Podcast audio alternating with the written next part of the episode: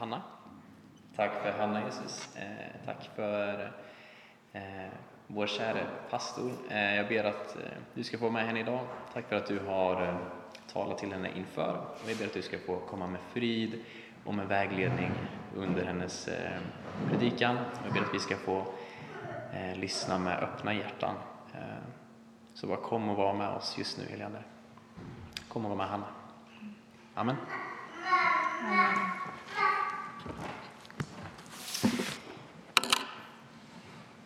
Ja, då ska jag slå upp min predikan här först. Men jag kan säga att eh, idag blir det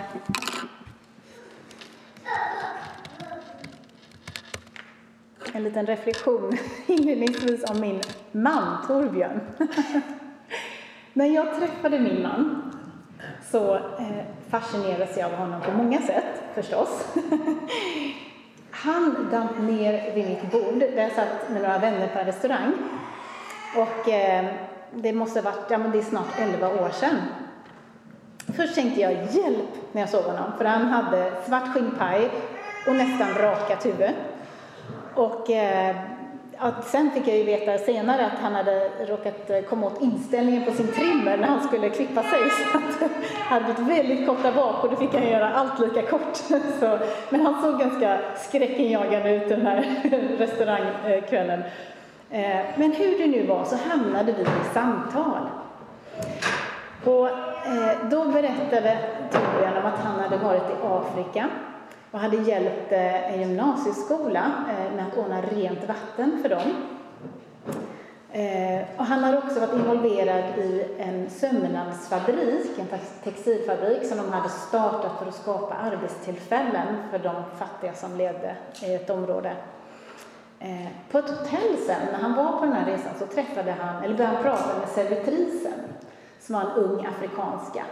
Och hon berättade att hon eh, hade fått avbryta sin eh, ekonomiutbildning för hon hade inte pengar längre till att studera, så hon hade fått börja jobba istället som servitris. Det ledde till att Torbjörn betalade det sista året av hennes eh, universitetsutbildning. Och han hade också hjälpt några andra afrikanska eh, tjejer som, inte, ja, som var fattiga då. Eh, jag fascinerades av den här godhjärtade mannen som såg så skräckinjagande ut. Det var ovanligt att höra om någon som gjorde gott mot andra helt utan baktankar. Helt utan egen vinning. Och Torbjörn fortsatte att fascinera mig. En lördag när han kom med sin bror till sitt företag så var det några som hade tagit sig in på gården och som höll på att lasta eller stjäla metallskrot och lägga in, lasta in i sin bil. Metallskrot sparas nämligen och säljs kilovis när det blir över från tillverkningen. Så Torbjörn ropade till sin bror att han skulle plåta av, fotografera nummerskylten och så sprang han fram till tjuvarna och försökte stoppa dem. Men när han kom fram till dem så såg han att de var dåligt klädda och att de saknade tänder. Varför gör ni det här? frågade han samtidigt som han beordrade dem att lasta ur bilen. Jag och min fru behöver pengar till mat, sa mannen. Lasta bilen full, sa Torbjörn. Nästa gång ni kommer så skäl inte utan fråga först, så kommer ni få lasta bilen full varje gång. Och sen bjöd han tjuvarna på kaffe. Jag skulle kunna berätta fler historier om hur Torbjörn har hjälpt andra genom åren, men jag tror att ni förstår min poäng. Människor eller Torbjörn, han beter sig annorlunda mot många andra människor. Han beter sig annorlunda för han har en Jesus-tro som lyser igenom i hans liv.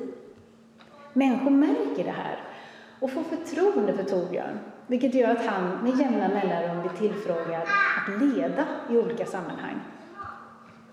Han är en ledare som visar på ett annorlunda sätt att leva och som sätter goda avtryck där han går fram.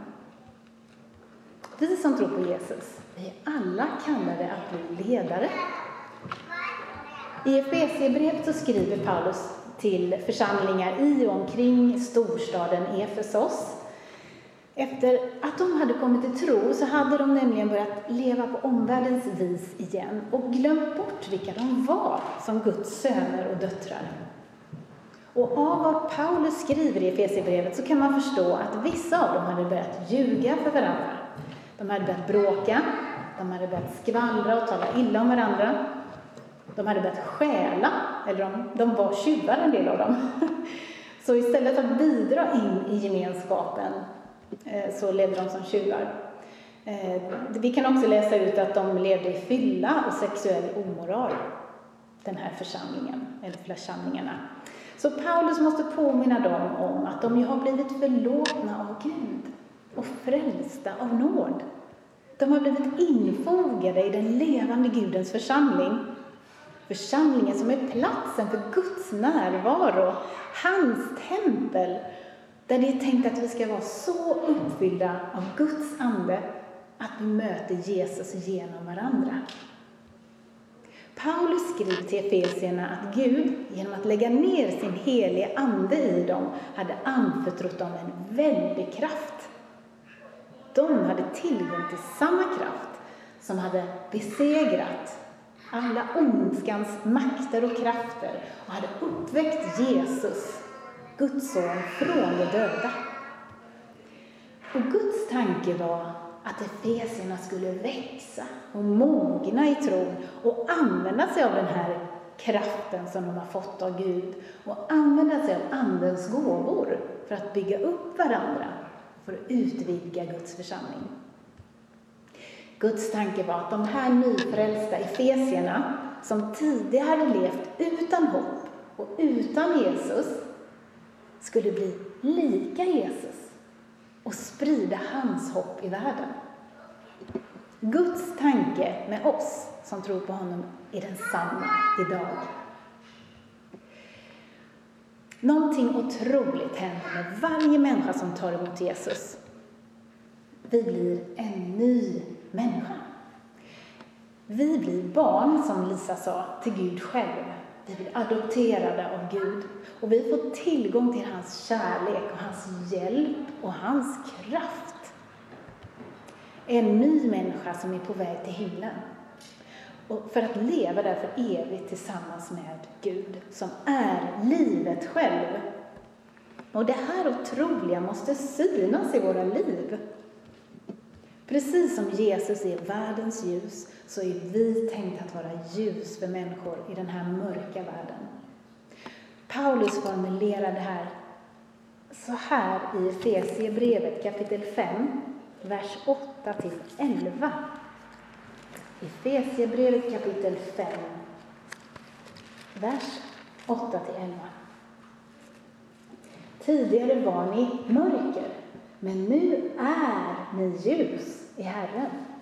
Lev då som ljusets barn, för ljusets frukt består i allt vad godhet, rättfärdighet och sanning heter. Och pröva vad som glädjer Herren. Var inte delaktiga i mörkrets ofruktbara gärningar, utan avslöja dem istället. Paulus säger här att genom tron på Jesus så är vi redan ljus i en mörk värld. Lev då sådana liv så att det ljus ni fått som är i er syns, säger Paulus.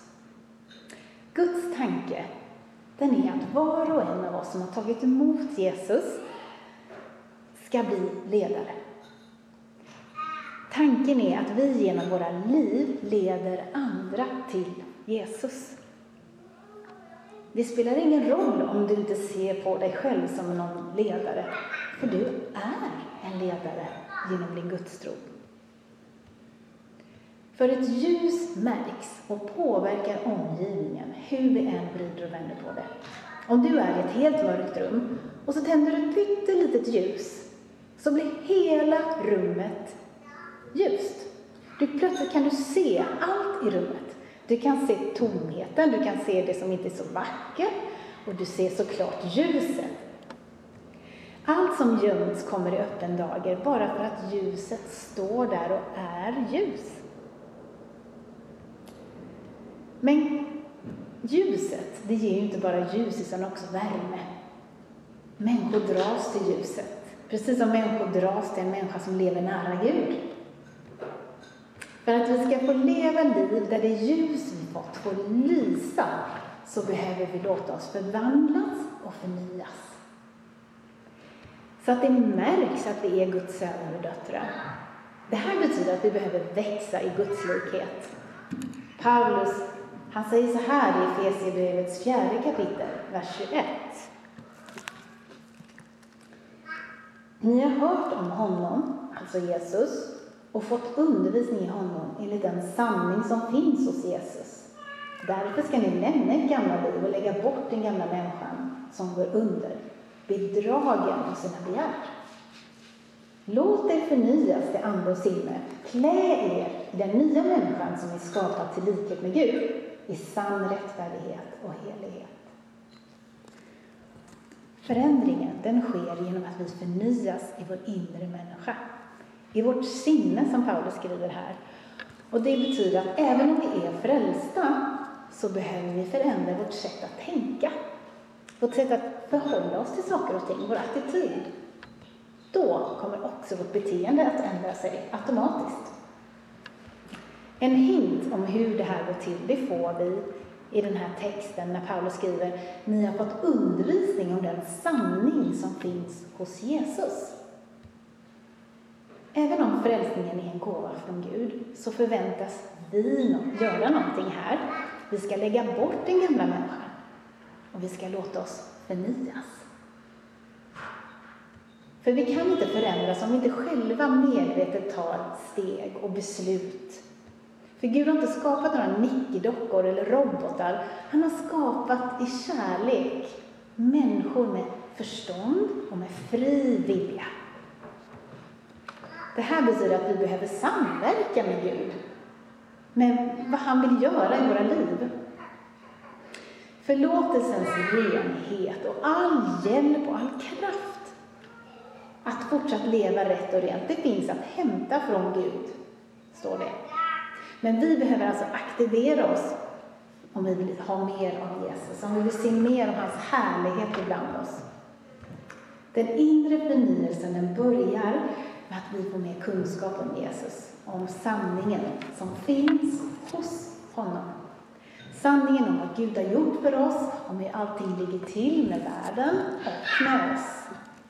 Och det får vi genom att läsa Bibeln, genom att studera Guds ord så lär vi känna Gud. Både på ett intellektuellt sätt, men också i hjärtat. För Guds ord är levande och verksamt, står det i Hebreerbrevet. Det betyder att Gud verkar i oss när vi läser Bibeln. Så att vi plötsligt inser saker om oss som vi förstår inte är så bra ibland. Vi ser nya saker om både oss själva och om Jesus. Vi ser också hur älskade vi är av Jesus.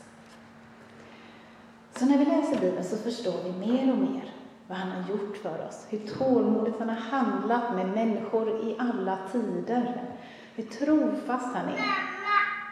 Och vi förstår varför vissa sätt att leda, leva leder bort ifrån Gud. Och bort ifrån livet, bort ifrån verklig kärlek, bort ifrån frid. Och vi börjar själva vilja sträcka oss mot det liv som Gud har mot oss, för oss. Vi inser saker om oss själva som vi behöver förändra. Och då, och först då, så har vi möjlighet att omvända oss och be Gud om förlåtelse och få hjälp till en ny start. Vi har kommit på något och vi vill ha det. Vi har fått ett nytt tänkesätt och vill därför börja göra annorlunda. Omvändelse det innebär att jag vänder mig bort från gamla sätt att göra saker att tänka och att hur jag fungerar. Och så vänder jag mig mot det nya sätt som Jesus visar mig. Det här är någonting som sker i hela vårt kristna liv. Det är en process. Det är en, en process som faktiskt tar lite tid också. Ta till exempel det här med egoismen. När vi läser Johannesevangeliet så läser vi om hur Jesus, världens skapare, universums herre, böjer sig ner och börjar tvätta sina lärlingars smutsiga fötter innan de ska äta middag tillsammans. Och nästa dag så låter han sig arresteras och sen går till korset och dör för våran skull. När vi läser det här så ser vi att det finns inte en tillstymmelse till egoism i Jesus. Och så kanske vi kommer tänka på då när vi läser det, om hur vi dagen innan sa nej till en kompis som behövde hjälp för att vi inte hade tid. Då kan vi be en bön, så kan vi omvända oss från vår egoism. Och sen kan vi bestämma oss för att inte tacka nej när någon ber mig om hjälp nästa gång. Och efter ett tag så märker vi hur roligt det är att hjälpa andra och vilken god gemenskap man får när man har den relationen till varandra. Vi har förändrats och vi börjar tänka på ett nytt sätt och vi har blivit lite mer som Jesus. Omvändelse är en fantastisk möjlighet till frihet, till förändring och till välmående. Gud kallar oss inte till omvändelse för att ge oss dåligt samvete. Han uppmanar oss att omvända oss för att sätta oss fria från skuld och dåligt samvete. Omvändelsen gör att vi kan ta emot och tillämpa den vägledning som vi får från Jesus i hur vi ska leva våra liv, så att vi får uppleva kärlek, trygghet och glädje med varandra istället för konflikt, bråk, magont och dåliga relationer. Ensamhet. Omvändelse är Guds gåva till oss. Det hjälper oss att bli mer lika Jesus. Och den här processen, som jag sa, är ju tänkt att fortgå hela våra kristna liv. Varje år ska vi märka att vi har blivit lite mer lika Jesus. Så vi har Guds ord till hjälp och vi har omvändelsens möjlighet. Men vi har också Guds ande till hjälp att börja leva ett Jesus-likt liv. Och i Romarbrevet kapitel 8, vers 13 så står det så här.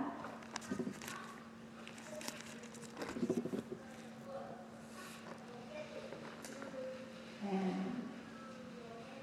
men om ni genom Anden dödar kroppens gärningar så kommer ni att leva.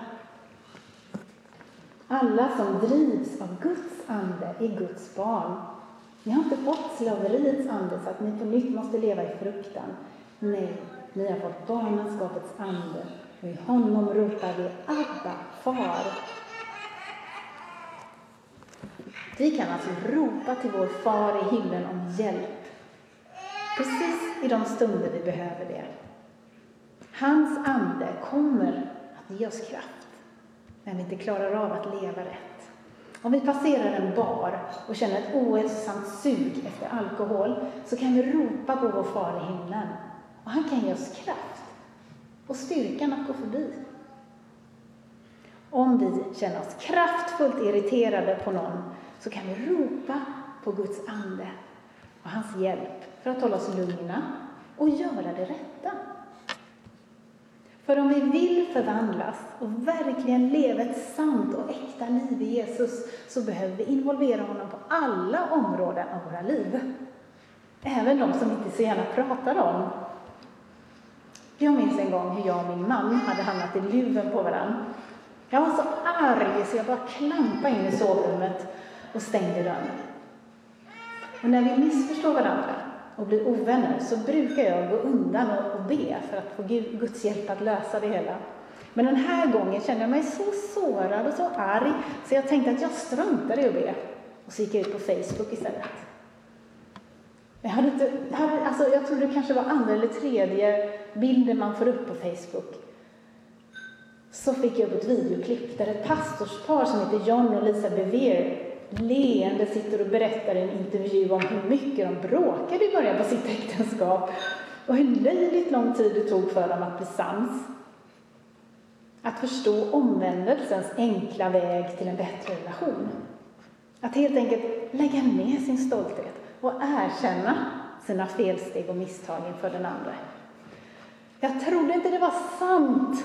Jesus gav mig ingen möjlighet att ligga där och gosa i min offerkofta i sängen jag var bara tvungen, jag, jag förstod direkt att det här var Gud, så jag var bara tvungen att gå upp och gå ut till Torbjörn och säga förlåt för min del, det här bråket. Och det var så skönt att se hur snabbt vi blev vänner igen. Den helige Ande verkar i oss på ett sätt som förvandlar oss inuti. Och Anden fyller oss med Guds kärlek. Desto mer vi börjar älska Jesus, desto mer börjar vi älska andra människor. Och vi börjar älska oss själva mer. Precis som Jesus som kom till jorden för att tjäna, så kommer en ny instinkt i oss att dyka upp. Att man vill hjälpa andra, att man vill tjäna. Och det här sammanfattar Paulus i några underbara verser i Filipperbrevets andra kapitel, vers 1-8. Om ni nu har tröst hos Kristus och ni får uppmuntran av hans kärlek, gemenskap i anden och medkänsla och barmhärtighet. Gör då min glädje fullkomlig genom att ha samma sinnelag och samma kärlek och vara ett i själ och sinne, skriver Paulus till församlingen. Sök inte konflikt eller tom ära. Var istället ödmjuka och sätt andra högre än er själva. Se inte till ett eget bästa, utan också till andras. Man får alltså ta hand om sig själv också. Man ska också tänka på andra. Var så till sinnes som Jesus var. Han var till i Guds gestalt, men räknade inte jämlikheten med Gud som segerbyte, utan utgav sig själv, tog en tjänares gestalt och blev människan lik. När han till det yttre hade blivit som en människa ödmjukade han sig och blev lydig ända till döden, döden på korset. I Vinjard så betonar vi de andliga nådegåvorna, som att profetera och be för sjuka. Och vi tror att varje församlingsmedlem har en gåva och har en viktig funktion i församlingen. Men när vi läser just Efesierbrevet, som vi undervisar från nu i vår, så ser vi att Paulus ägnar ganska lite utrymme åt de andliga gåvorna. Och desto mer utrymme till att skriva om Efesiernas karaktär sättet som de led sina kristna liv på. För den kristna karaktären är ramen för de andliga gåvorna. För att de ska kunna fungera så som Gud har tänkt. Vi behöver lovsjunga och profetera och be för sjuka med rätt motiv. Vad hjälper det om Gud rör sig ibland oss på ett underbart sätt på, på gudstjänsten om vi inte hjälper dem som kommer till oss med praktiska behov? Så vi behöver inte bara komma underfund med våra andliga gåvor, som är jättebra, utan vi behöver också växa på varje område av våra liv. Och den här förvandlingen, den möjliggörs bara om vi tillåter den att göra det. Om vi tillåter, liksom ger utrymme åt Gud genom att läsa hans ord och att ge utrymme åt hans ande till att verka i oss varje dag. Ett liv som är fullt av annat och som är på kollisionskurs med allt vad Jesus är och står för, det ger inte honom något utrymme att verka i våra liv. Men ett liv däremot där vi lever i kärlek till Gud och till varandra, det förkroppsligar Jesus. Torbjörn, han gör ett avtryck där han går fram på sin arbetsplats, bland sina grannar och vänner Behöver någon hjälp så är han den första att ställa upp. Hamnar han i trubbel, ja, men då, någon i trubbel, då finns han där för dem. Det är ofta Torbjörn bara försvinner hemifrån, ibland till mitt förtret när man har småbarn, för det är någon som behöver hjälp någonstans. Som kristna så skickar vi signaler till vår omgivning. Folk som söker Gud, de iakttar oss. De ser på oss för att se om det vi säger oss tro på verkligen är sant. Genom att se vad vi lägger vår tid på och vårt engagemang i, så ser de vad som verkligen lever i våra hjärtan. Vi är därför alla ledare och vi lever med vårt liv. En ledare är någon som visar andra på en möjlig väg att gå. Det är någon som genom sitt sätt att leva och genom sin inkluderande värme samlar människor omkring sig på ett naturligt sätt. För att människor har sett att han eller hon har något som jag vill ha. Den väg vi visar på är Jesus. Lyser du av Jesus och hans sanning med ditt liv så behöver du inte tillägga så mycket när du vill berätta för någon om din tro. De har redan fått förtroende för dig och de är redan beredda att lyssna när du väl säger någonting. Så som Paulus säger i Efesierbrevet kapitel 5 och vers 15. Det får bli de avslutande orden. Tänk alltså noga på hur ni lever, inte som ovisa människor utan som visa. Ta väl vara på varje tillfälle, för dagarna är onda. Var därför inte oförnuftiga, utan förstå vad som är Herrens vilja. Berusa er inte med vin, det leder till vårdslöshet. Låt er istället uppfyllas av Anden och tala till varandra med psalmer, hymner och andliga sånger. Sjung och spela Herren i era hjärtan och tacka alltid Gud, vår Far, för allt i vår Herre Jesu Kristi namn. Amen.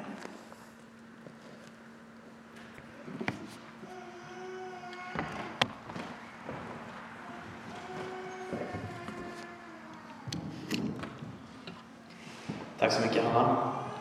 Eh, vi tror som Hanna sa att eh, eh, Helige Ande möter oss, talar till oss. Eh, och vi bad inför den här gudstjänsten och eh, ville att Gud skulle visa oss eh, några bilder eller ord till personer.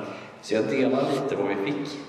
Eh, vi fick en bild eh, som var kopplad till identitet, där vi såg en person som fick på nytt, eller för första gången, liksom plantera ner en flagga av att det här är vem jag är. Eh, där någon har levt i kanske osäkerhet eh, och tvivlat på sig själv, men att eh, du har rätt att få plantera den här flaggan och eh, eh, inta eh, det här som din identitet.